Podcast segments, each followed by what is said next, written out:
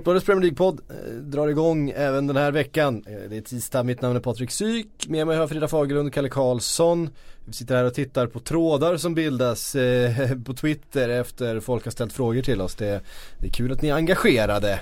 Eh, vi eh, uppskattar verkligen det och det kommer bli en lite längre frågestund den här veckan eftersom det inte blev någon förra veckan. Så kan det vara när man bjuder in Erik Niva som eh, eh lägger ut texten som han gör. Eh, ska börja då med att eh, påminna om det som eh, han ska ut på och jag ska ut på om ett par veckor. Vi ska ut på turné. Flowers and Football Tops kan ni googla på. Eh, från Halmstad till Sundsvall ska vi eh, turnera runt med tröjor och eh, inte minst i Solna då inför Sverige-Chile, ni som ska dit. Eh, ni måste komma förbi och, och, kolla på det här, det är eh, klart värt det. Eh, googla fram hittar ni biljetter. Eh, kan avslöja att Halmstad och Göteborg börjar snart ta slut. Så bor man där och ska ha biljetter så får man nog skynda sig på.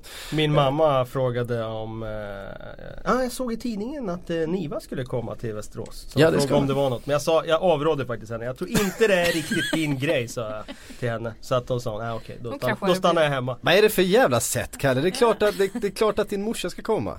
Det, grejen är att min mamma är eh, marginellt intresserad av fotboll. Så jag vet inte varför hon eh, ens funderade på att gå och kolla på fotbollströjor av alla saker.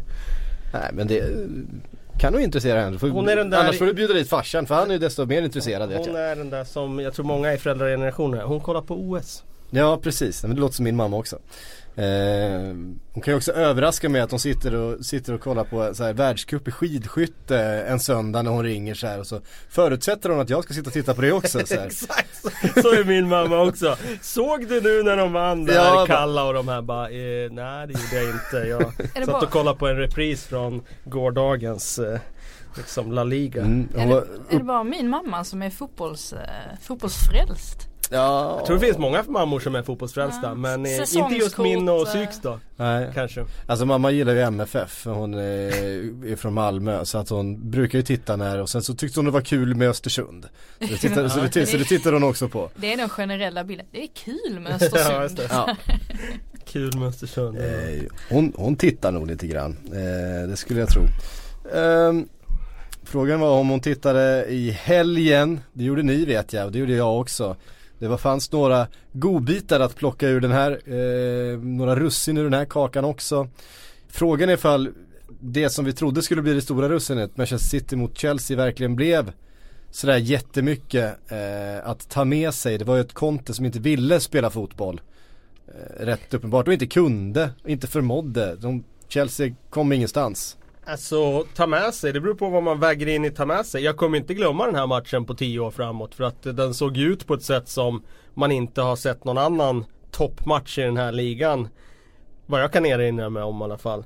Eh, precis som du säger så var det ju Chelsea som la sig platt från början. Och man kan ju förstå någonstans om Derby kommer upp eller om Wolverhampton för några år sedan kommer upp och möter den liksom ostoppbara serieledaren och, och känner sig slagna på förhand. Men att Chelsea, regerande mästarna, på det där sättet går ut och eh, ja, jag vet inte, spelar någon slags anti-försvarsspel. För det var ju inte ens försvarsspel utan det var de, de, ja, de stod där, titta på.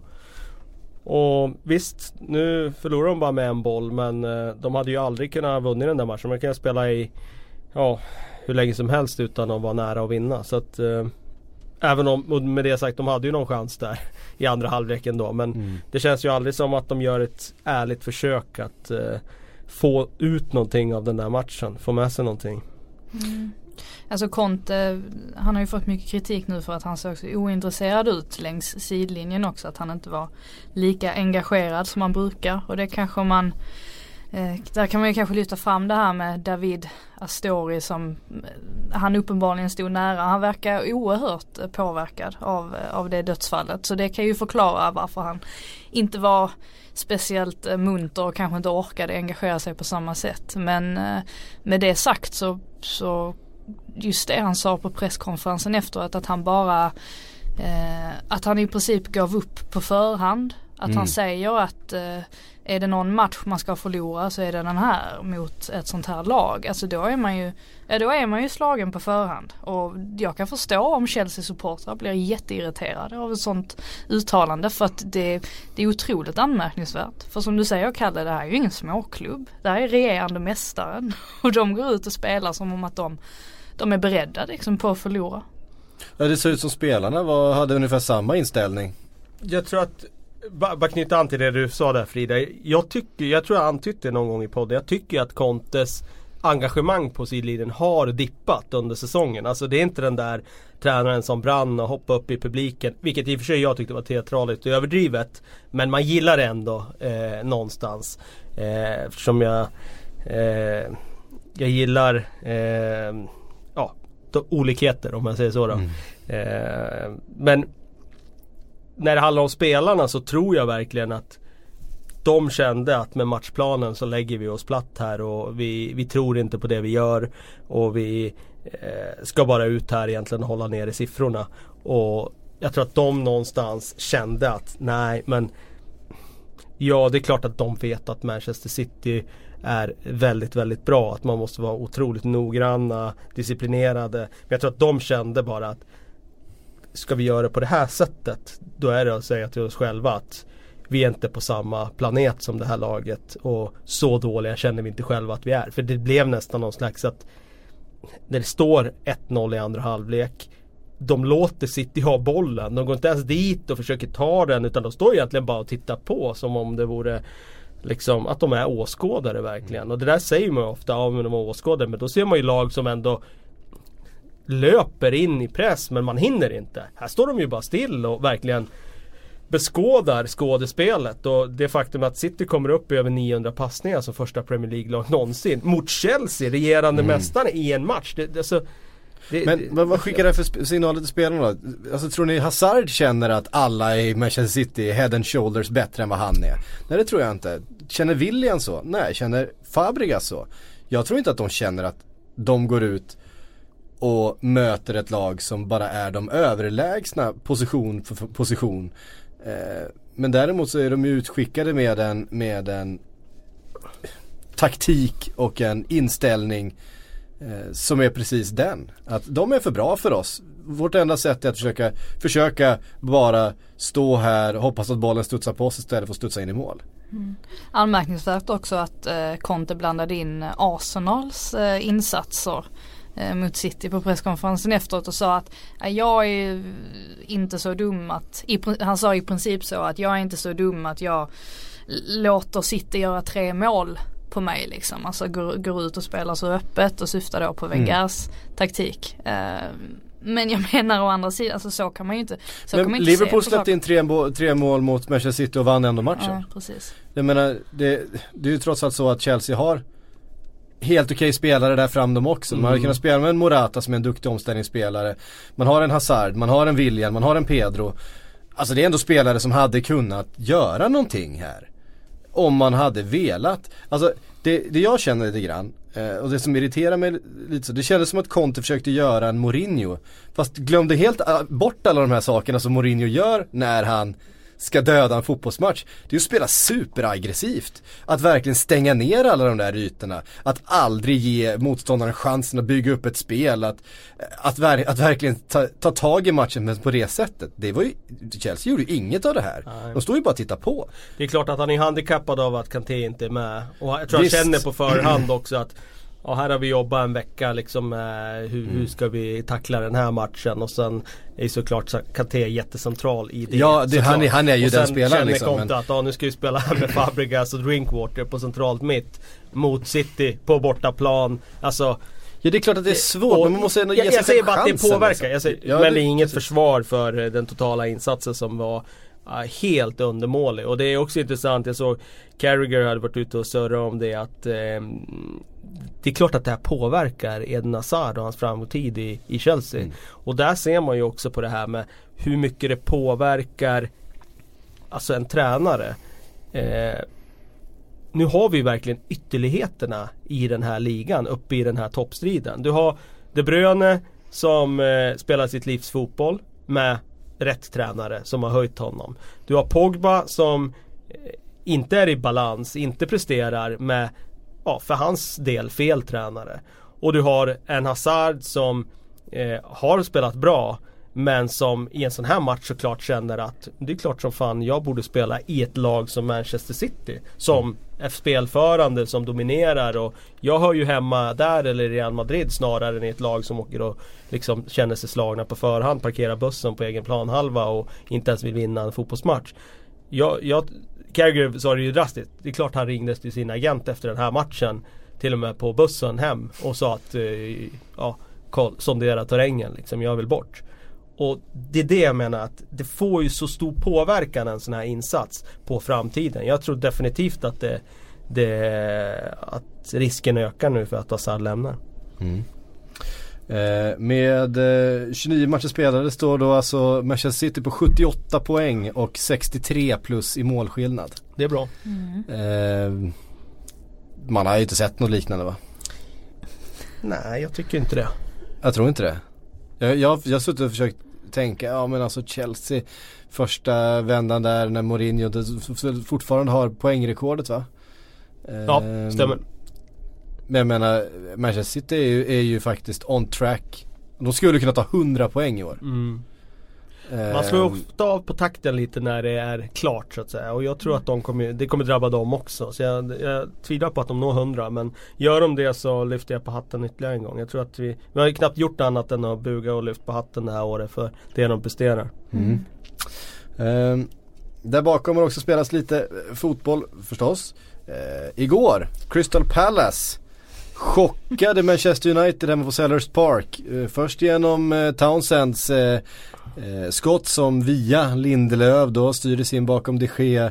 Sen fan Arnholt som bara eh, på en snabb frispark kutade rakt ner. Det påminde om Canidja och, och eh, Maradona, kommer du ihåg det? Från 94, du kommer inte ihåg Frida, Nej, 94. Eh, Maradona slår den snabbt till Canidja ner på, på vänsterkanten som eh, springer ner. Det var, var, lite den känslan, fast det eh, var ett oerhört eh, effektivt avslut får man säga. Full vrist, han hann inte reagera det sker. Sköt i första hörnet till skillnad från Canidja. Precis. Som vred den i bortre. Det gjorde han.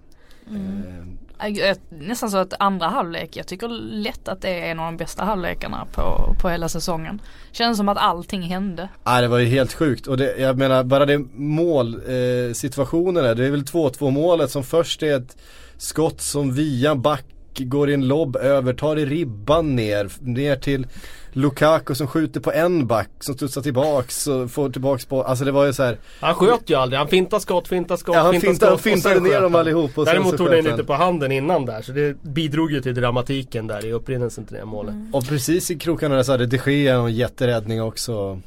Ja, räcker jätteräddning för att beskriva den? Det, det var den högre skolan. Det var en normal räddning för att vara de Gea men en utomjordisk räddning för att vara en normal målvakt. Ja, Benteke hade ju börjat fira i, i, i bakhuvudet där tror jag när han kände att han fick den träffen på bollen med pannan där. Då gör ju han normalt, på alla andra målvakter i ligan gör han ju mål där. Ja. Men eh, det sker är inte som alla andra målvakter. Man kan inte låta bli att tycka lite synd om Roy ändå. För att det var ju, det här sjabblade ju, ja visst det, det, man brukar ju säga att det är svårt att leda med 2-0. Men eh, någonstans så... Är det det? Brukar det? Brukar man säga det? Ja, det är ju en klassiker men det, det, är det, är svår, det är det svåraste som finns. Ja, 3-0 i hockey har jag hört. Men 2-0 i fotboll är det svårt. Supersvårt. Okej, okay, jag tar tillbaks det då. Det, det, det, ska vara enkelt att leda med 2-0. Eh, men här får man ju ändå säga att Crystal Palace sjabblar ju ändå bort mycket på egen hand. Jag ja. menar första målet man släpper in.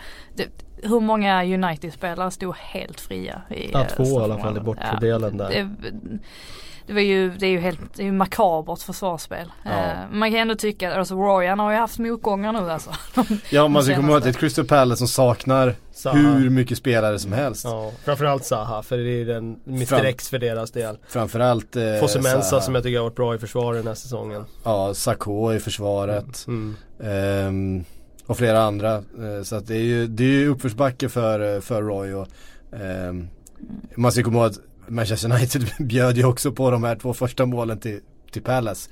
Visst, det var ett eh, ett skott som styrdes in på Victor Nilsson Lindelöf där i, till 1-0 men det var ju ett väldigt passivt försvarsarbete tidigare när Benteke fick lö löpa ner och ta bollen och titta upp och stå och mm. hålla i det straff utanför straff, strax över straffområdet och hitta Townsend då med den här passningen. Det, det var ju väldigt passivt. Jag och sen att, att man äh... står och vinkar på, på den snabba frisparken där och ska ha offside istället för när Van Aanholt bara springer ner och ingen är på tårna. Mm. Jag såg att Lindelöf fick lite kritik för att han vände bort eh, sida, eller vände sidan till när, mm. när skottet kom. Och det är klart, visst. Eh, han ska täcka det skottet bättre än vad han gör. Men jag tycker Småling är större eh, syndabock där. För precis som du säger där, han är för passiv när bollen kommer mm. ut i Benteke. Han springer och tittar på två meter ifrån så han får vända inåt. Istället för att komma ut, han är ju dessutom ganska snabb Småling så han behöver inte vara rädd för att bli slagen mot den där. Komma ut tight, se till så att han låser honom mot kanten. Men det är liksom som att... Alltså det är inte Hazard som får bollen, det är Benteke. Ja, det måste man också komma ihåg.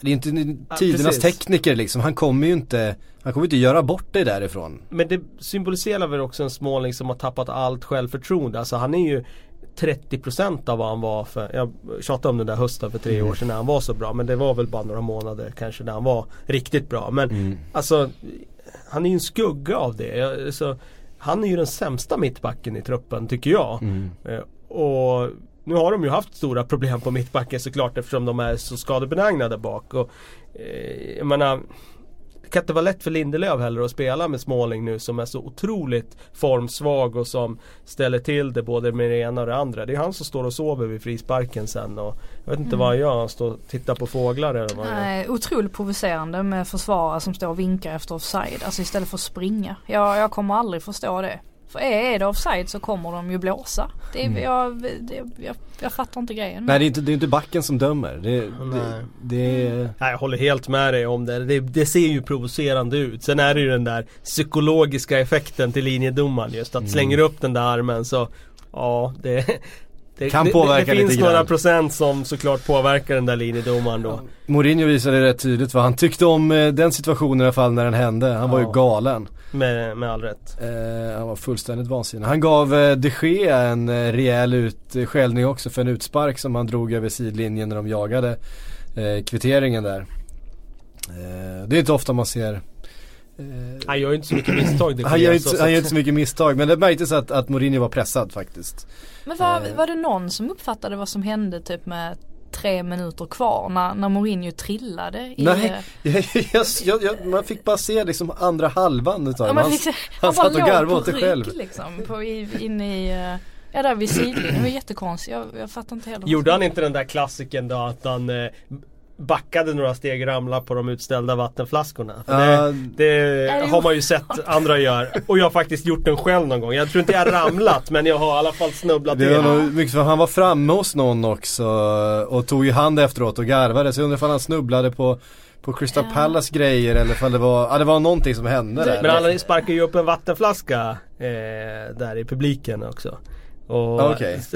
men det bad han ju om ursäkt till så att jag mm. tror att det mm. löste sig. De skrattade väl mest åt det tror jag. Det roliga var ju att han var ju, han var ju gladare vid det tillfället än när Matic dundrade in 3-2 målet. Då var han ju helt, helt ja. stoneface liksom. Det är Mourinho det där. ja men för att det är ju Ja men det är också så här eh, Om han inte sätter det skottet Alltså med två minuter kvar och de har typ tre, fyra gubbar inne i boxen. Han står där helt opressad. Han måste ju hitta en passning där han ska ju inte skjuta på volley när du har Lukaku och um, Rashford och Rashford skrev till mig själv på Twitter att han skrek på passningen i läget. Och jag kände det också. Fan han slarvar ju bort, han slarvar bort det här nu och så sitter den liksom så jävla fint istället. Mm. Eh, så att då, då är man ju ursäktad att man tar eh, det som man då kan tycka är fel beslut. Blev ju rätt beslut. Ja för jag vet att Lingard hade ett liknande läge i första halvlek precis innan eh, paus. Eh, där han fick boll, där han kunde ha spelat ut den till eh, Young var det väl. Mm. Eh, men valde att skjuta själv och det blev ju ett brutalt dåligt skott och det gick en bit utanför. Mm. Mm. Och då var det, då, då, direkt så såg man ju liksom på spelarna, de var helt vansinniga liksom. Åh, där sjabblade han bort det där. Men lite, lite intressant ändå att det ändå var ett liknande läge som blev avgörande. Ja. Det, det, är stor skillnad när den sitter i målet. Så kan man ju konstatera. Ganska. Ja, alltså jag tror att, alltså Mourinho är ju inte heller en, en tränare som som uppmuntrar den typen utav eh, kreativa infall hos sina spelare. Jag tror att han Han är ju väldigt mycket en, en, tränare som spelar på procenten. Alltså att behåll den istället. Ta inte en chansning. Försök få till. Behåll trycket, behåll trycket, behåll trycket liksom. Um, men det, som sagt, går de in så går de in. Uh, och då, då, kan man rädda tre poäng uh, med matchens typ näst sista spark. Uh, på det där sättet. Ska Hennessy ta den? Nej, jag tycker inte att han, jag tycker inte han kan lastas Hade för de Gea tagit den? Antagligen. Han har fått två fingrar på den och styrt den, till, styrt den i stolpen eller utanför. Ja, antagligen. Inte, ja, jag, jag kände det i alla fall när det blev det målet att Ja, jag tror en, en toppmålvakt hade tagit den. Kanske. Jag tycker den är, den är rätt hård. Han har bra, bra tryck i dojorna. En fin båge också. Hennessy var lite svajig i matchen igenom. Det var någon annan gång när han missade utboxningen och sådär. Mm. Så att det är... Ja han får ju ta på sig eh, förra veckans för, förlust mot Tottenham också. Mm. Så att han, han är lite svajig. Eh, det kan jag tycka. Eh, det blev tre poäng till slut, tre viktiga poäng i den där topp fyra eh, racet som tre pågår. Tre poäng trots Alexis Sanchez får man nästan säga. Alltså, ja, han var inte bra. Nej, det, jag, jag vet inte hur många gånger han tappade bollen enkelt igår. Ja. Och, och, och han, in, han, han, inledde ju andra halvlek med att göra exakt samma grej. Så, alltså han hade ju ändå haft en halvlek då där han hade tappat bollen. Sen så första bolltouchen i andra halvlek, tappa bollen igen. Ja, Tänkte bara, så, såg, ni, såg ni Valencias min där när han hade eh, tagit löpningen och fått bollen slagen helt omöjlig till sig. Ja, för typ, tre, för typ tredje gången. Jag tror en, första gången var Matic tror jag som eh, slagit den helt galet och sen var det två gånger utav Alexis Sanchez. Och han du vet, normalt sett man brukar ge en liten vinkel och säga men bra, ja. bra insats. Han, ingenting. Äh, liksom. Ingenting, han bara ah, han var så bara trött ut alltså. Alltså det, det, här har ju inte framkommit riktigt i vårt snack nu men alltså Jösses vad dåliga de var i första halvlek. Det är helt otroligt vad dåliga. Det, det är ju bortglömt nu eftersom de vann med 3-2 och det är hela storyn såklart. Mm. Men alltså det är helt ofattbart hur man kan spela så dåligt med de spelarna de har. Som de gjorde i första halvlek. Mm. Nej, Crystal Palace var ju klart bättre. Ja, jag tyckte inte de var så himla bra heller. Nej, bra. alltså det, det är mer att det är den där oförmågan hos United. Att deras anfallsspel, det liksom, det flyter inte. Nej.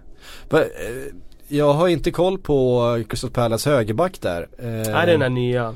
Ehm, men han såg ju intressant ut. Ja, bara 20 bast också. Nej, det... Ja, det var både, en riktigt svettig eh, brytning vid ett tillfälle. På Rashford ja. Ja, på Rashford. Jävlar. Den var, men den var perfekt. Verkligen. Men jag vill ändå poängtera där. Jag tyckte också han är jättefin och lovande och det kan säkert bli bra. Men det blir ändå de där små, små sakerna som blir avgörande. Om man tittar på Lukakos mål mm. så tycker jag att han får bära en stor del av det. Om man tittar på hur han täcker det skottet, jämför det med Lindelöf. Alltså Lindelöf, han, liksom den träffar ändå honom. Kolla på han, han viker nästan bort Eh, liksom hela sidan och benet. Så att den får gå in precis där jag tycker att han borde ha täckt mm. det skottet. Och det är sådana där små, små saker som ändå blir avgörande. Och det det är läropengar för han ja. såklart.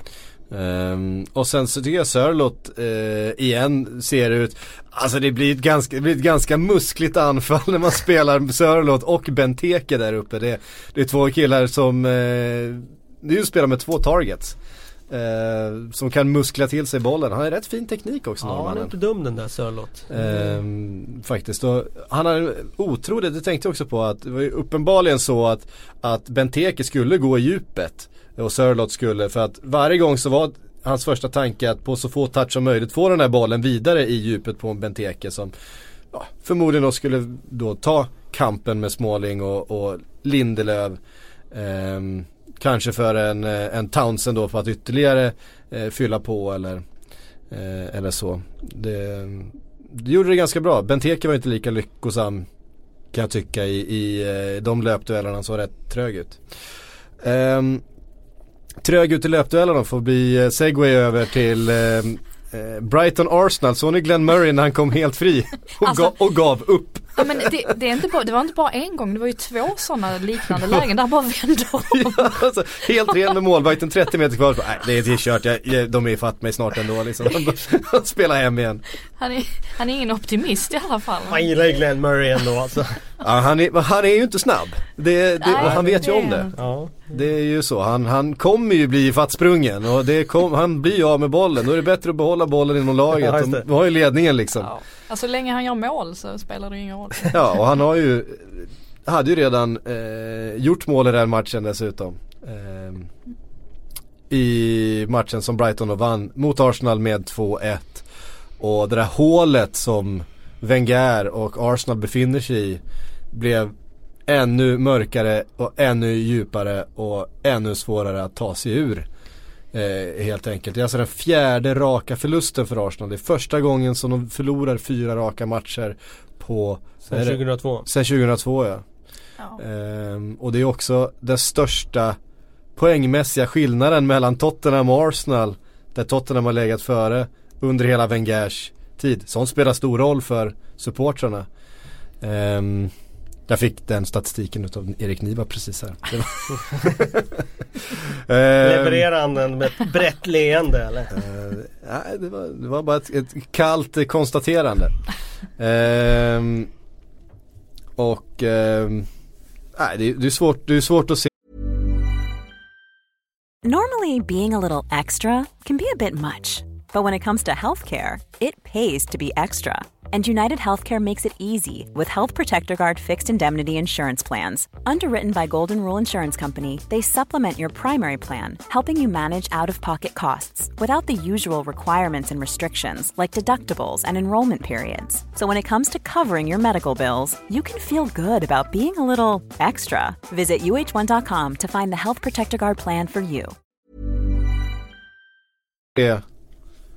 Eh, Arsenal få ut så mycket mer ur den här säsongen. Man har alltså ett dubbelmöte med ett Milan som har fått igång eh, liksom spelet nere i Italien känns ju också svårt just nu.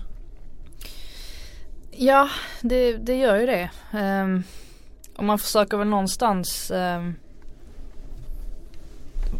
se på saken lite, lite förnuftigt och kanske inte, för ofta så drar man ju väldigt eh, höga växlar av det här eh, när det sker en sån här grej. Men om man tänker, det är rätt konstigt ändå att de inte kan att de inte kan resa sig för, för visst de, de har förlorat De hade förlorat tre matcher i rad men jag menar två av dem spelar ju ingen roll för ligaspelet i alla fall. Alltså det, att man och inte två då... av dem var mot Manchester City som, som vinner mot alla. Ja liksom. men precis. Alltså att man inte då kan, kan verkligen ta sig samman och, och, och säga att nu jäklar, nu ska vi gå ut och springa benen av oss. Liksom.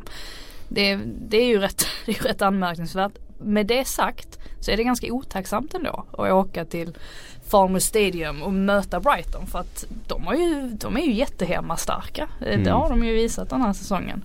Ehm, men det är klart att man vet, man vet inte ens riktigt var Wenger ska börja för att Nej, om man tittar på det där laget, tittar på insatserna liksom. Vem är det som ska ta, ta tag i det? Alltså, eh...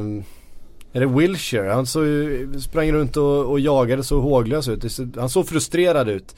Eh, vissa av spelarna såg ju, såg man inga känslor från alls nästan tyckte jag.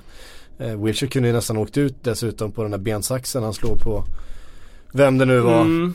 Det var en Det riktigt ful tackling faktiskt. Eh, mm, Eh, nej, det har väl varit ett problem ganska länge för Arsenal att de inte har de där ledartyperna. mm. Och eh, att det skulle kliva fram någon nu plötsligt och ta tag i det, det är nog att tro på för mycket. Eh, jag tror någonstans i allt det här mörka, dystra så finns det ju någon slags positiv aspekt här i att jag tror att många supportrar ändå känner så här att Ja det, det är klart det är inte kul att vara så många poäng efter Tottenham och så långt efter fjärdeplatsen så att det bara liksom mynnar ut i en enda sorts transportsträcka den här våren. Men jag tror samtidigt att de känner inte för den där årliga uppryckningen heller. Så att de nästan eh, tar den där fjärdeplatsen och avslutar säsongen positivt och till Mm. nästa år ska det Då nu finns det något att bygga vidare på. Jag tror nog att en del i alla fall känner att ja, den här säsongen är ändå körd så att det är lika bra att det går så dåligt så att vi till slut ändå känner mm. från styrelsens håll också att nu har vi nått vägs ände. Nu måste det hända någonting på tränarposten. För så länge som han sitter kvar det, då kommer det nog att vara så här att de, de har inte full tro eh, på det de gör. Att, att Wenger är rätt man att leda laget tillbaka till toppen och då kommer de inte nå dit heller. Mm. och det har vi konstaterat många gånger och jag har ju trott varje år att han ska lämna. Nu eh, är jag övertygad om att det faktiskt blir så. Och nu kan det till och med vara så att eh, styrelsen säger att, att du måste lämna. Ja och det har ju kommit fram då också att för första gången så eh, Tidigare har det alltid varit uppe till Wenger om han ja. ska lämna eller inte. Nu har han ju själv gått ut och sagt att det är inte upp till mig. Nej precis och det är det jag eh, menar. Det, är, den, stora förändrade, det är, det är den stora förändringen eh, i den relationen som har skett just den här säsongen. För att även förra säsongen när det var Alltså kris och det var eh, Wenger som skulle avgå liksom varenda vecka och det var flygplan till höger och vänster. Eh, så var det fortfarande hans beslut. Eh, nu är det inte hans beslut längre jag tror att Jag tror att de är så pass, så pass eh, ändå, jag tror att de har haft så pass mycket förtroende för Wenger att de har inte haft någon eh, färdig kandidat. Jag tror att det är det, det de jobbar på hårdast just nu. Eh, att hitta en kandidat som ska ta över, kanske direkt efter säsongen, alltså direkt för att ta över när sista vis visselpipan blåser liksom för säsongen. Eh, då säger vi tack och hej till Arsène Wenger och sen så får nästa ta över direkt så att det inte blir ett byte liksom någon gång fram i efter VM eller sådär. Då har vi sett, vi har också några tillfällen där det varit, eh, jag tänker på van Gaal när han kom till Manchester United till exempel. Um, när det var lite oklart slutet på säsongen, det var Ryan Giggs hade fått ta över och gjorde tre matcher och man visste inte. Så blev det van Gaal som hade det holländska landslaget och så Just blev det ingen riktig försäsong. För att han kom in väldigt eh, kort och det värvades eh, spelare på kort varsel och så vidare. Det gjorde i och för sig Conte samma sak och vann ligan direkt men, men jag tror att han var ett undantag. Jag tror att det är ett dåligt sätt att jobba på egentligen. Um, för att se vem det blir då. Graham Potter.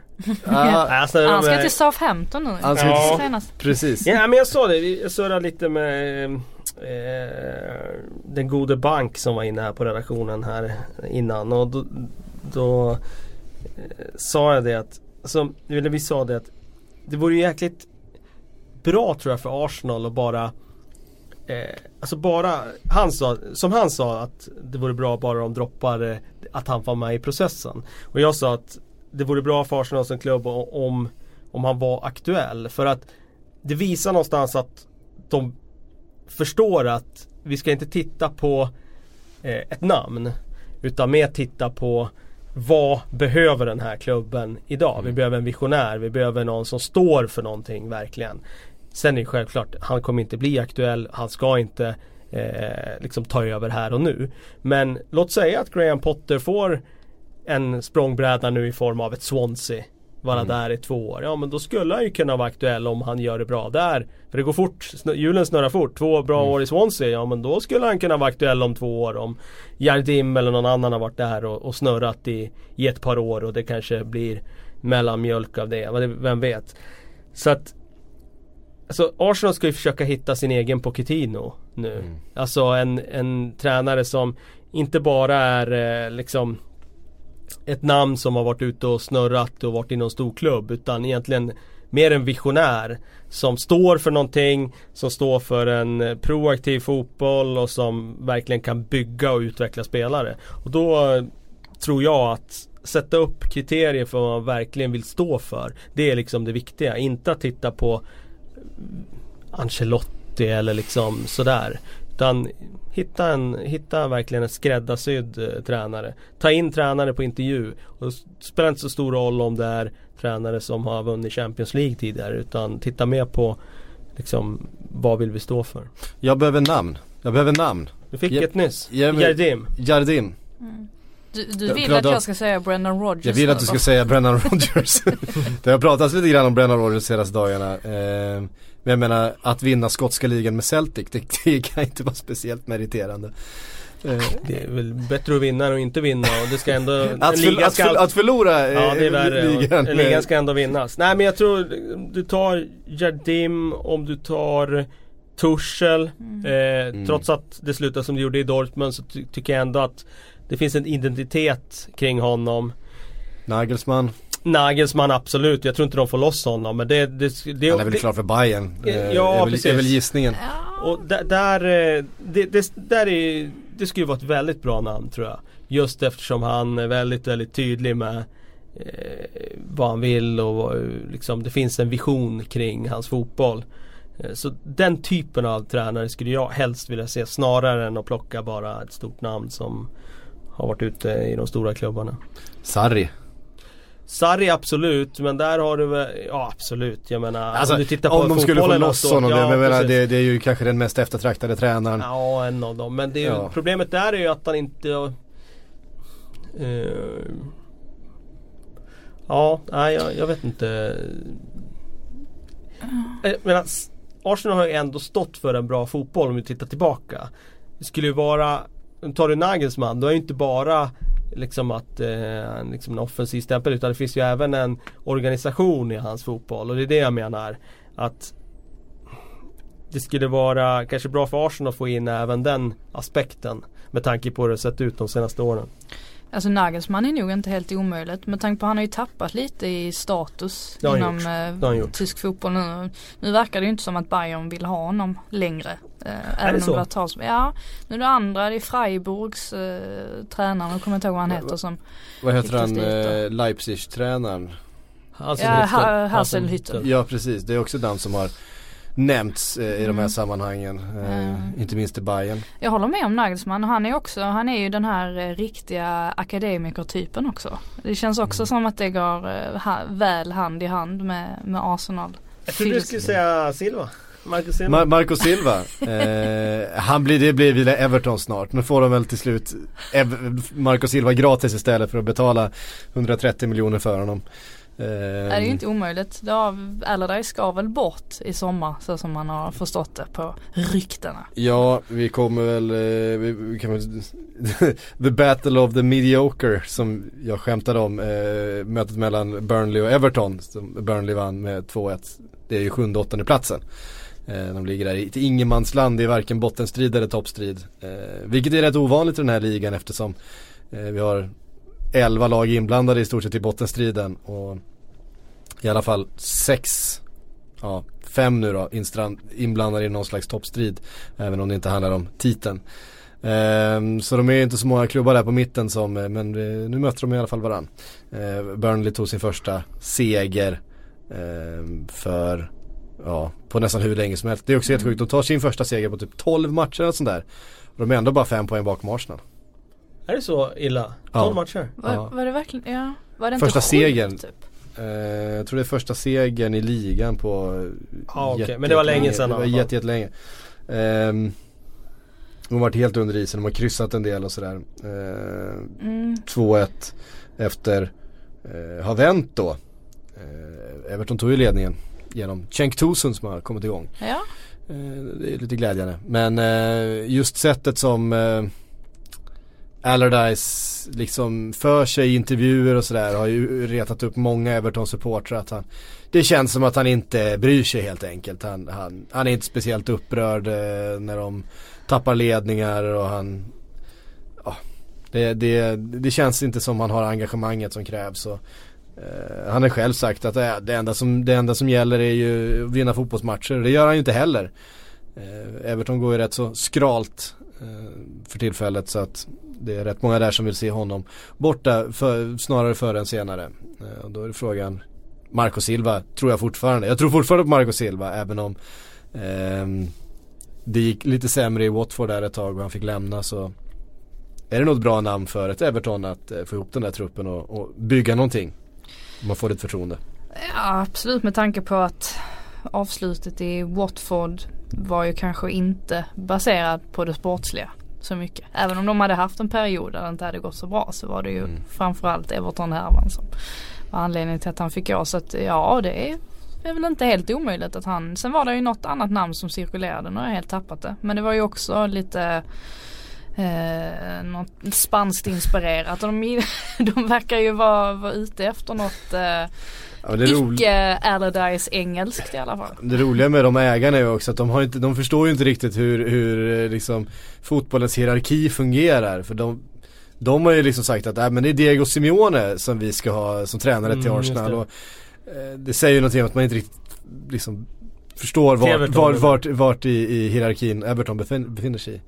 Mm. Ehm, och sådär. Vi, jag insåg att vi har inte pratat färdigt om Brighton eh, Arsenal för vi måste hylla Brighton eh, lite grann. Jag tycker Iscuerdo eh, var väldigt fin i den matchen och, mm. och var kanske planens bästa spelare. Ja det var, det var många i den matchen tyckte jag som var bra. Jag, ty jag tycker, eh, du får rätta mig nu Psyk om jag uttalar hans namn fel. Knock, knockout? Ja det där är ett svårt namn. Det är ett väldigt svårt namn. Jag bara ja. tänker det brukar vara uttalnings... Knockout. Knockout. uh, är du helt säker på det? Du såg inte övertygande ut när du uttalade det där. Man, man måste hylla Chris eh, Houghtons eh, värvningar den här sommaren för att det är ju det är nyförvärven i väldigt hög utsträckning som gör det. Jag menar Gross var väldigt bra. Mm. Eh, eh, Pröpper eh, kom ju. Eh, Iscuerdo var väldigt bra.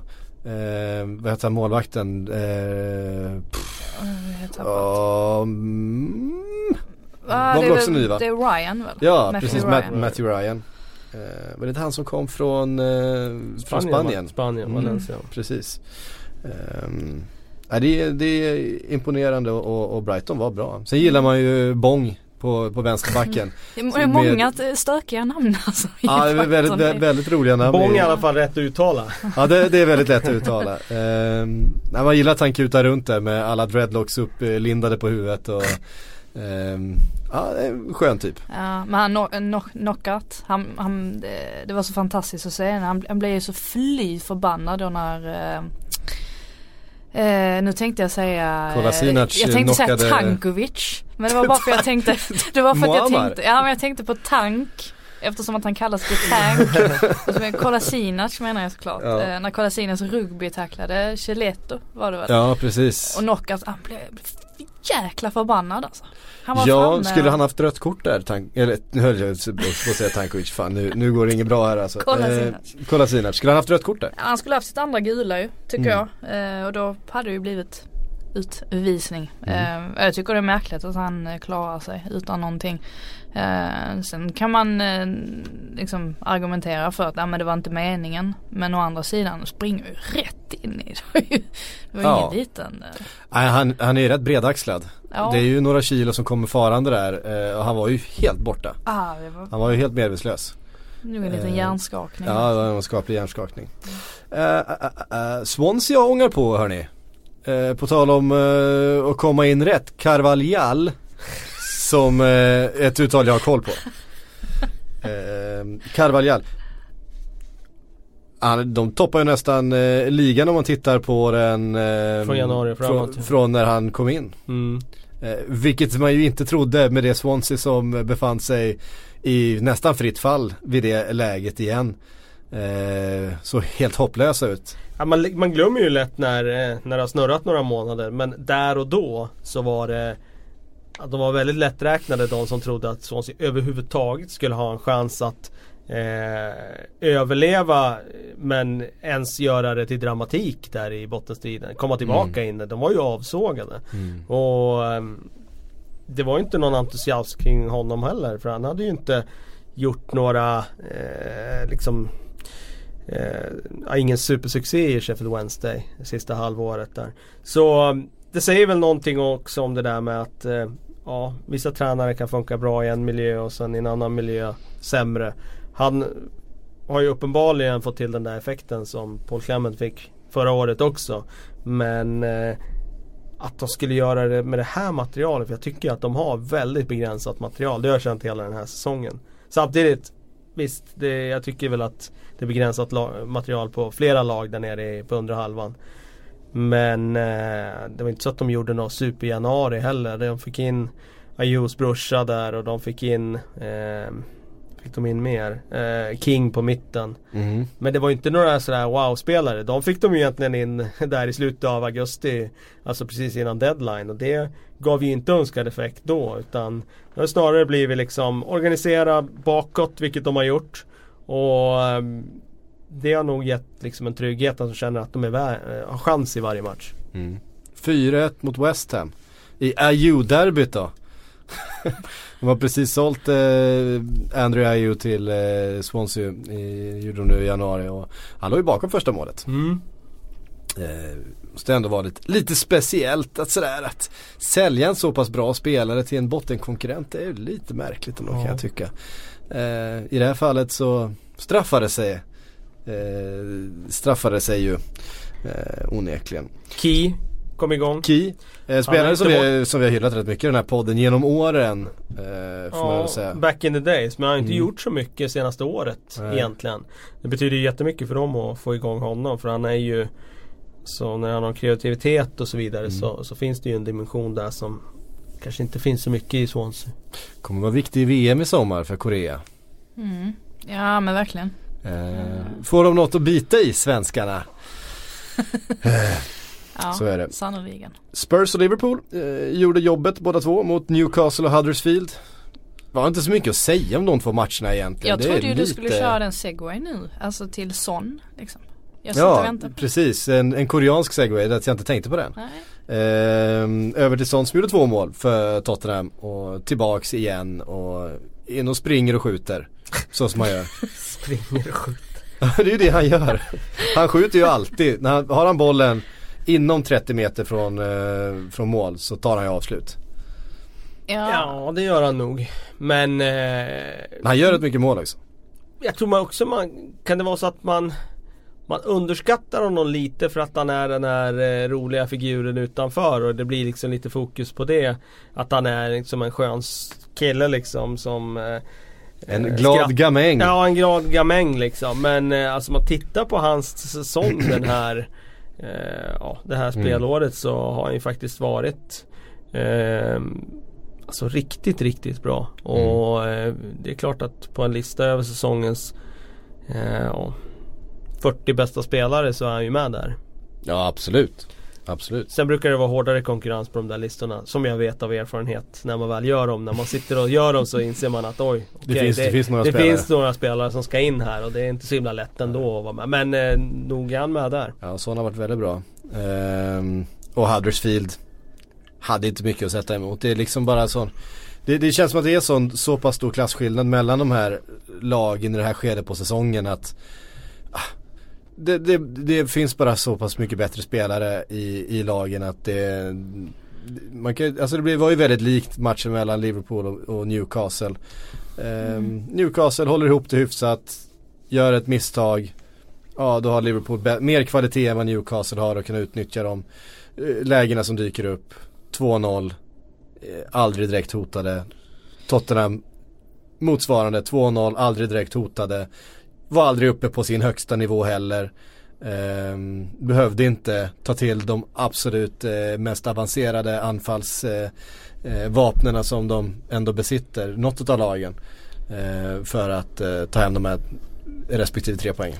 Nej, alltså och det är ju det som är så imponerande ändå. De här 2-0 segrarna. Som sker utan att man egentligen har imponerat. Men man har ändå gjort det man ska. Tillräckligt mycket för att ta tre poäng och vinna bekvämt. Mm. Det är ju på något sätt en styrka i sig. Eh, att kunna göra det ju.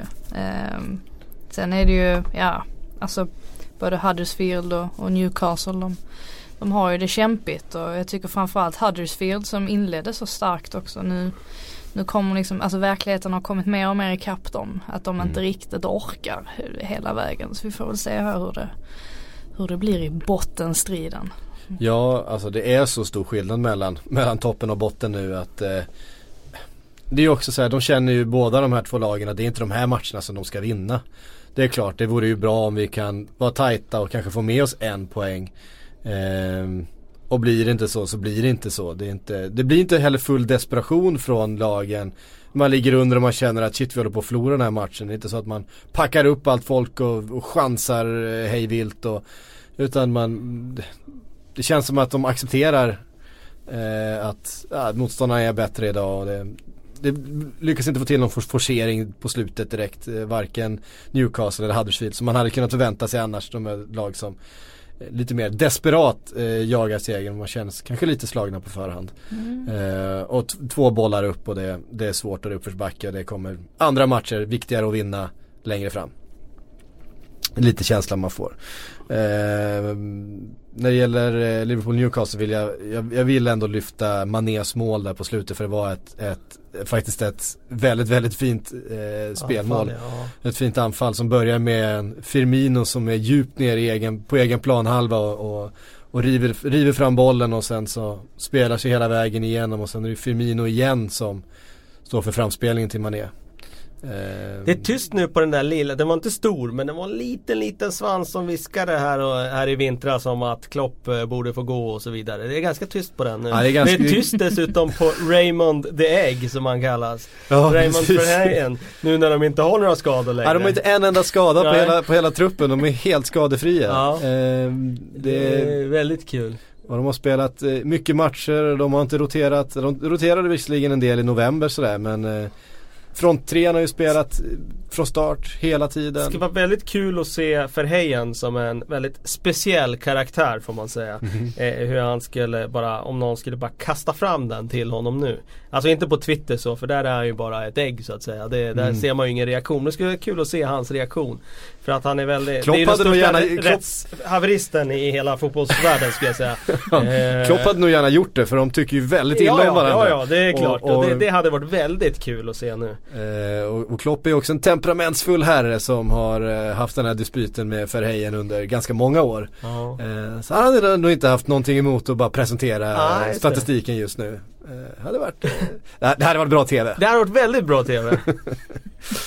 Upp, upp, upp. Eh, jag har lovat lite fler frågor idag då, så vi får väl sätta igång med dem. Erik Littorin skrev på Facebook eh, Vet jag att det är Premier League-podden, men skulle ni kunna prata lite löst om Ryan Sessignon i Fulham? Mm. Vem är han? 17 år och fruktansvärt vass. Ja. Målskytt igen nu i helgen. Eh, dessutom för Fulham. Jag menar, han är 17 år och han har liksom nu redan i mer än ett års tid varit kanske hela Championships bästa, bästa ytterback. Eh, och gör mål och ja, men dominerar sin kant match efter match. Och det är inte så att intresset från klubbarna kring, kring hans signatur har svalnat direkt efter den inledande säsongen. Nej, sen har ju folk, vissa har ju missuppfattat och trott att han har varit vänsterback. Och då, för då, då verkar det här målfacit ännu ännu bättre. Eh, mm. Nu spelar han ju vänsterytter. Mm. Det har han gjort de senaste två säsongerna. Wingback eller? Eh, nej, inte ens. Ja precis. Eh, så att det är ju därav mål målsprutandet så att säga. Mm. Eh, nej men det har väl ryktats om, om Tottenham. Eh, vilket inte är så konstigt eh, kanske. Eh, det har varit spännande att se honom i, i Premier League. Eh, får hoppas att eh, går han inte upp med Fulham så får man hoppas att om man går till en annan klubb att han får speltid och mm. får utvecklas för att det där är en jättespännande spelare. Det har väl inte varit så mycket surr om en sån ung spelare lägre ner sen Gareth Bale var i SA-15 och lite samma typ, alltså bara ett lag Tog alla frisparkar, tog alla hörnor, gjorde mm. han i alla fall då mm. och flög fram på sin kant och piskade in inlägg och, och så vidare. Eh, så ja, gratulerar redan nu till den klubben som lägger beslag på honom. Troligt att det blir Tottenham för det är ju den, det är mm. en Tottenham-värvning verkligen. Ja verkligen. Eh, och det är så att alla, alla topplagen har ju eh, nämnts och har ju liksom haft representanter där för att titta på honom. Jag tror han gör rätt i att gå till Tottenham. För om man tittar på ja. hur de har utvecklat spelare och, och vilken språngbräda det har varit så tror jag att det är ett bra steg för honom. Ja, det är viktigt bara att han får spel. Jag menar han är bara 17 år ändå. Mm. Eh, fortfarande, det är, man vet ju att det kommer svaja de här första åren. Han kommer ju inte gå rakt in och vara en världsspelare de närmsta tre åren. Eh, det kan ingen förvänta sig av honom. Man kommer kunna se en del rejäla toppar för att så, så bra är han liksom. Eh, men man kommer ju också få, eh, jag menar som vi har sett på, ser på alla unga spelare. Eh, man tänkte ju att eh, Dele Alli var kanske undantaget på något sätt men han kom ju också in i den där typen av svackor till slut. Ehm, vi ser en Kristensen nu i Chelsea som vi har hyllat. Det finns fortfarande junior misstag kvar i honom och det, det Eh, hoppas jag att det inte går ut över eh, Ryan Sessegnons speltid framöver. Om han då väljs att spela på en eh, ytterbacksposition till exempel. Ja, och det är ju trots allt det viktigaste för de yngre talangerna. Det är ju just alltså träning, det kan du få liksom på toppnivå överallt i princip. Men just det där med att få spela A-lagsfotboll, eh, alltså matcher. Det är ju, det är ju där du, du kan ta liksom nästa steg och utvecklas till en, till en toppspelare. Så det är ju jätteviktigt att han Mm. hamnar i rätt klubb. Det. Det finns ju den här, eh, det här dilemmat nästan, de som är Alltså jag tänker på, det var någon som, pres- som tog exemplet Phil Foden Som är så pass bra Du gillar Phil Foden, visst Ja men det var exempel just eftersom han är, han är 17 år gammal Han är så pass bra så att han lånas inte ut för han är fortfarande aktuell att spela med A-laget Ja. Men han, så han är för bra för att lånas ut men han är för dålig för att få riktigt den speltiden han behöver för att utvecklas. Så han hamnar liksom i en, i- en, ja. mellan stolarna på ett sätt. Mm. Och det är en väldig fara för en sån spelare. För att han är, han är så pass bra att Manchester City känner att honom har vi användning av den här, Mm. den här eh, säsongen. Och, eh, jag menar vi kan lyfta upp egna spelare och spela dem i A-laget så, så betyder det jättemycket. Eh, för hela akademin och för hela projektet och sådär. Och, eh, men kanske hade en, en Phil Foden också mått bra av att spela Bundesliga-fotboll från start varje vecka i, på undre halvan i Bundesliga. Eh, istället för att hoppa in och göra 15 minuter ja, här och där i fe- 15 cupen, minuter liksom. här, här, och, här och där för, för City i matcher som är avgjorda. Ja. Samtidigt ska man ju veta att du vet ju först när du har facit i hand vad som var den bästa vägen och det är ju klart att det är en utvecklande miljö för han att träna med De Bruyne och Silva och med Guardiola vecka ut och vecka in. Men det får inte bli över en längre period. Alltså, nu har han haft den här säsongen nu, utbildningsår, spelat sparsamt. Nästa år får inte bli ytterligare ett sånt här år. Det här, nästa, Nu- nästa säsong år, måste då han ju spela fotboll Ja, då liksom. måste han ut någonstans där han får, får spela matcher. Mm. Och där är också en sån där grej med att när du, du skickar spelare sådär att man hittar rätt nivå då. Så man inte Mm. går, sätter ribban för högt så att man inte spelar där heller. Utan du måste ju hamna i en miljö som är tillräckligt bra för att den ska vara utvecklande och tillräckligt låg för att du ska få de där matcherna. Mm. För hamnar du i en sämre träningsmiljö och i alla fall inte får spela matcherna då, då Nej, var det då- inget bra att gå. Nej, verkligen. Japp. Eh, Henrik Nilsson skriver, eh, var det verkligen rätt av Chelsea att sälja Costa? Han som drog in alla poäng. Eh, de hade inte mycket val va? Nej, alltså det skar ju sig mellan han och Conte ju så att det, det var ju lite, en, lite grann. Det var ju, det var ju ohållbart men kanske ångrar Conte att han, han gick ut ganska hårt där ändå. Alltså väldigt tidigt med att, alltså var väldigt tydlig med att de inte hade någon framtid ihop. Eh, och det var kanske inte så eh, så bra med tanke på hur det blev sen med hela värvningsbiten. Eh, att han inte fick in de spelarna han ville. Men vadå, han har ju Giroud nu. Nu ska man inte klaga. Det är Ja, precis, det, det, de är precis likadana. lite, lite, lite smalare tänkte jag säga, lite tunnare. Lite, lite skillnad i attityd också kring eh, på planen och sådär. Eh, Thomas Nygren undrar, kan ni ranka klubbarna i toppen efter hur pass bra de byggt truppen efter sättet man vill spela på? Eh, lite luddigt. Vilka har den bäst anpassade truppen? Alltså vilken har ett lag som är byggt efter en idé är väl det han är ute efter. Det är svårt att säga någonting annat än Manchester City.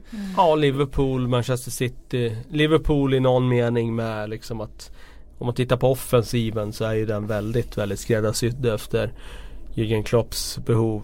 Men City får man ju ändå sätta högst upp. Alltså där har du ju i Mm. princip en hel elva plus bänk som har ja, antingen fogats in i det tänket som de har eller formats in i det tänket de har. Jag tycker jag är helt extrem när det gäller det. Jag menar det är en Ja. offensiv mittfältare som blir vänsterback och nu spelar han som indragen vänsterback och tycker han blir bättre och bättre för varje vecka. Och Mm. Nu spelar han som om han, han inte gjort annat än att spela den positionen hela sin karriär.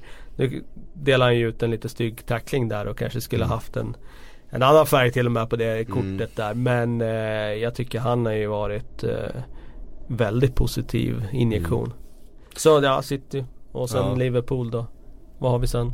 Tottenham. Ja, Tottenham trea då.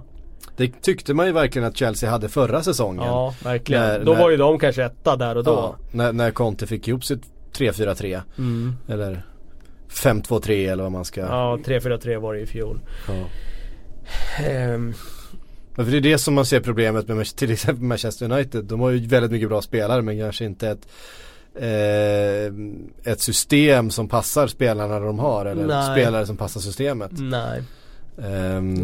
Och Arsenal vet jag inte vad man ska Nej jag skulle säga att de andra lagen och de topplagen de hamnar väl där nere någonstans. Bur- alltså. Burnley får man väl ändå säga har Ja, ett, ett lag byggt Men efter sa han inte, vad sa han? Topp 6 va? Eh, Ja det, så, det skrev han väl i och för sig så Ja. ja. Ehm, Simon Svensson skriver hur många av förra årets Premier League-vinnare dåvarande form skulle platsa i Citys startelva? Alltså Chelsea-spelare eh, med tanke på att de möttes nu i helgen men ett Chelsea från förra säsongen Vilka skulle gå in i en City-elva nu? Nu är vi ute på djupt hypotetiskt vatten. Ja, verkligen. Eh, Man måste ju peta in Hazard. Så Ja. bra som han var förra säsongen. Det är väl det givna liksom som man Kanté var ju också Men där framme så är det ju trångt där framme också i, i city. Det är väl eh, Aspi hade jag kunnat eh, sätta in. där. Aspelekueta. Ja, vart då? Istället för? Ja då Ja, får det man ju klart. peta eh, Eller om man gör om när man kör trebackslinje Ja, så petar man det, det blir nog svårt nu. mm. Ja, det tusan alltså. Nej men det är klart att det går att argumentera någonstans för att Hazard och Kanté och Aspi skulle kunna Mm. argumenteras för att skickas in någonstans. Men så som City fungerar i praktiken så är det svårt att argumentera för någon egentligen. Ja. Eh, är det någon som kallar sig för Ge Ölvebro hans mille? Eh, Det är ett bra namn tycker jag. Det är ett sjukt bra namn. på Twitter. Jag är inte så sugen på att ge Ulvebro hans mille dock. Eh, eh, men eh, Men, eh, men här, ja, han är, kallas, eh, handle är då Nilsson, Gabriel Nilsson, eh, gissar vi att han heter. Han undrar, är Mourinho kvar nästa säsong? Han har ju förlängt kontraktet ju- Men Mm. eh, Det är väl klart att man kan, nu, nu vann de ju igår. Alltså tänk om de hade förlorat igår. Då hade ju, då hade diskussionen gått, gått helt annorlunda säkert. Eh, Jag tror inte, jag, jag tror att eh, Manchester United klarar en, en topp 4 plats. Jag tror att eh, det gör att han är kvar. Hade de inte löst en topp 4 plats då hade han kanske fått lämna. Men eh, jag tror att de gör det och eh, ja. Försöker hitta någon parallell här mellan Mourinho och Hans Ulvebro men jag hittar ingen riktigt sådär. Men, eh, men eh, Ge, ge Ah. Mourinho hans eh, mille då. Han, han ska ju vara med i, han är ju expert rysk expertkommentator Ja, han fick väl en miljon pund för fem dagars eh, deltagande tror jag. Det är bra timtaxa. Ja, det då motsvarar det 2,5 miljoner kronor om dagen. En miljon pund, 10 miljoner. Eh, ja, precis lite drygt eh, 10 miljoner. Ja, precis 2 miljoner kronor eh, om dagen då. För, Ja. för att eh, sitta och vara expertkomentator i Det är ändå Russia bara en, Today. Det är ändå bara typ en femtiondel av vad Hans Ulvebro och hans vänner har lagt ner på Palmeutredningen. Så att, eh, eh, Ja, ehm, Nej men alltså det, det är intressant ändå om vi går tillbaka till frågan. För att jag tyckte det var jättemärkligt måste jag säga att de förlängde det där kontraktet. Jag tyckte det var jättekonstigt att de gjorde det. Eh, för mig är det ju uppenbart att han inte är kompatibel med The United Way som, som de gillar att prata om. Alltså vad ska klubben stå för? Vad, vad, vad har vi för arv? Vad, vad, vad, vad vill vi göra fram, framöver liksom? Det är ju den typen av frågor som alla klubbar borde ställa sig. Jag tror att när man inte ställer sig de frågorna det är då man har lätt att hamna fel. Och så det För mig är han inte liksom den tränaren som kommer att få det här pusslet att spela den fotbollen som, som läktarna vill ha. Eh, och som spelarna själva vill ha. Det kommer inte bli det. Och hur de kunde förlänga det där kontraktet nu tyckte jag var jättekonstigt. Det är klart, hade de inte förlängt det då hade de ju stått i den eh, situationen då att de hade riskerat inom citationstecken och, och förlora honom. Men det finns ju andra tränare ute på marknaden. Och det finns andra, jag pratade där med visionärer, men det finns ju andra tränare som kan liksom stå för den typ av fotbollen som jag tror till exempel Pogba skulle blomstra i. Som Sanchez skulle vara bättre i. Som eh, Martial, Rashford. Alltså de har ju pusselverktygen där. Det är bara att ha någon stickare där som får ut använder de där verktygen och får ut mer av dem. Brennan Rogers. Men säger det inte lite om eh, Alltså vart United är på väg lite och, och vad som är viktigt för den klubben numera. Just det här med det marknadsmässiga, hur viktigt det är för dem. Alltså Mourinho är ju ett oerhört starkt namn rent PR-mässigt. Mm. Alltså det är, det är, ett stort tränarnamn som syns väldigt mycket mm. och som mm. man kan. Ja men vi pratar om det här med att de köper in spelare som kanske inte nödvändigtvis eh, behövs eh, men som är Eh, starka varumärken. Och likaså är ju Mourinho, han är ett starkt varumärke. Mm. Känns det inte lite som att det börjar bli viktigare för United så länge resultaten kommer in, så länge man tar den där topp 4 placeringen. Men kommer resultaten in då? Är topp 4 placeringen tillräckligt med de investeringar de har gjort? Jag tycker inte det. Eh, jag förstår ju hur United resonerade där när City hade lagt beslag på Guardiola. Då var det ju väldigt viktigt att ha det där namnet för att liksom matcha det. Och vilket namn skulle kunna matcha Guardiola där och då. Det var ju inget förutom Mourinho som mm. till namnet är lika stor. Men här och nu när man har sett vad vad, vad de presterar i liksom i, Och var de befinner planen, sig i sina, karriär, i sina ja. respektive tränar, tränargärningar så, så eh, befinner sig ju Pep verkligen på sin peak. Och det kan ju ingen påstå att Mourinho längre gör. Nej tvärtom, han har varit ute rätt länge och jag tyckte nog att han sprattlade till där under ett år med Chelsea snarare mm. än att, eh, att han där och då var liksom tillbaka i gamet. Jag var förvånad eh, där och då för jag tyckte att han var utdaterad långt innan det.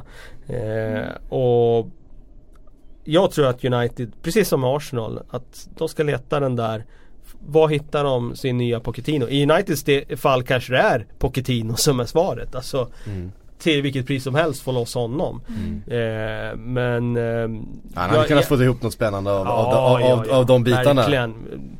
Verkligen. Så att, um, nej, eh, jättemärkligt att han förlängde. Men eftersom han förlängde så tror jag han är kvar nästa säsong. Mm. Um, Martin Bäckström eh, tar upp det här som Lukaku skrev på Twitter eh, häromdagen när han tyckte, han för ett, ett förslag till eh, FA, en All-star match i nordamerikansk eh, stil. Eh, nord mot syd, fansen röstar, vad tror ni om det? Och så vill då Martin att vi eh, gör förslag på två elvor, eh, en nord och en syd. Det är svårt att inte ta ut hela Manchester City i nordlaget. Ja. Jag vill stoppa in de Gea i mål då istället. Ja, okay. eh, för att han är Sätter bara, han du Shevchenko på vänsterbacken där eller? Nej, ska du sätta då då? Andy Robertson. Andy Robertson istället, gör du det? Ja, Kanske. Kanske inte i City system om du ska spela Nej, du, ska ta ut, om du, du ska ta ut en All-star. Eh, ja, de bästa. Ja. ja, men vi måste ju få in någon. Det är ju mer på den. Ja, den, det är på, på den, den kontot liksom. Man vill ju blanda upp det med någon. Ja, nej men jag skulle kunna stoppa in en Mohamed Salah till höger Ja absolut, upp, ja, absolut. I, ja det är klart. Det är klart. Eh, sen vet jag fan, alltså Lukaku hade ju inte tagit sig in. Nej! nej, nej, nej. Alltså, nej men alltså. Du har ju, det jag menar, du har ju Firmino är ju också framför. Det är ju det jag mm. menar. Alltså, ja. eh, så nej, han är inte i närheten så. Nej. Nej, det var, det var ju det alla skrev också för Lukaku fiskade lite efter då liksom när han själv la upp det här förslaget med nålstar matcher ah. Och alla kommentarer under bara, ah, men du, du platsar ju ändå inte liksom. det, det, det, var hårt. hårt. Eh, ja, men, tonen kan vara rå på Twitter. Men, men, men, men, men om man tar idén då sådär, mm. eller ja, vill du tillbaka till ja, laget? Men, Syd, ja, är det någon, någon mer som går in då från norr? Nej, Max Power från Wigan. Jättetusen. Will, Will Griggs. Will Griggs. Will Griggs ja. Um, I söder då, det blir lite mer intressant kanske. Det är väl hela Tottenham som ska in då med, med, tanke, med tanke på att Arsenal är som, eh, som de är ja. eh, för tillfället. Och in med Hazard. Ja, Chelsea förstås. Hazard ska in. Hazard ska in. Eh, Aspi. Kanté ska in.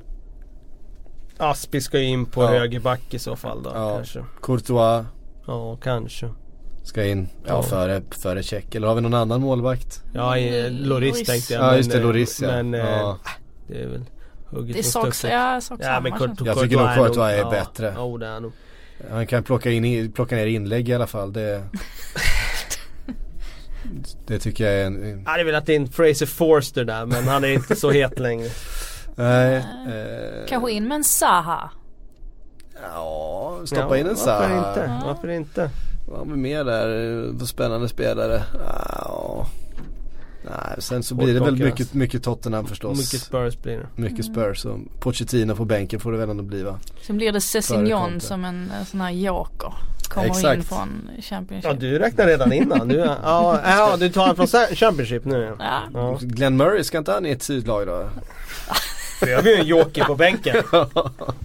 Centertank. Vi behöver någon som kan vända upp eh, i ett friläge och spela bollen i sidled istället för att eh, tappa den mot en hemjobbande försvarare. Men, men det, det, om man går tillbaka till själva grundtanken så mm. jag är inte emot en All-Star match av liksom någon så här traditionistiska skäl liksom att eh, det ska vara som det har varit förr. Men då blir frågan, när ska den spelas? Eh, det är ju en annan fysiologi i fotboll jämfört med hockey. Där kan de ju glida igenom en sån match. Men det blir ju aldrig det som man tror när det är uppvisningsmatch i fotboll. Det är lättare att spela uppvisningsmatch i hockey än vad det är att spela uppvisningsmatch i fotboll. Bara av att det är en annan fysiologi. Mm. Eh, du kan åka och sätta dig på bänken Ja du kan åka och sätta dig på bänken och det, det, det, det, sliter inte lika mycket att spela en hockeymatch. När du är i NHL kan du åka på roadtrip och spela tre matcher på en helg ungefär. Men mm. det, går ju inte i fotboll. Och när ska den matchen spelas? Det kan inte spelas före säsongen. Det kan inte spelas under säsongen för det skulle de aldrig liksom vad ska de få in den? De skulle, skulle de lägga efter säsongen? Efter, efter säsongen, nej men då är det mästerskap eller landskamper i form mm. av VM-kval, EM-kval det, det, finns ju ingenstans den kan gå in. Okej, okay, vinteruppehåll. Jo men då ska de ju vila. Då ska de inte åka och spela en uppvisningsmatch. Och Som med all sannolikhet hade spelats typ Dubai. Dubai eller något. Och, Därför att de engelska supportrarna hade ju varit helt ointresserade. Ska du se ett Ska du se ett ja, lag med, med eh, Pogba och, och Salah och ja, nej, nej, nej, Agüero tillsammans liksom. Supportrarna hade ju fullständigt eh, bojkottat det. Och sen är ju också så det blir ju ändå så här uppvisningsmatcher i fotboll. Det finns ju en skaderisk såklart. Mm. Inte bara utifrån så att de är slitna utan det rent Ja Det kan bli en duell och skaderisk. Så då kommer de bara springa och, och jogga. Och vem vill se det? Nej.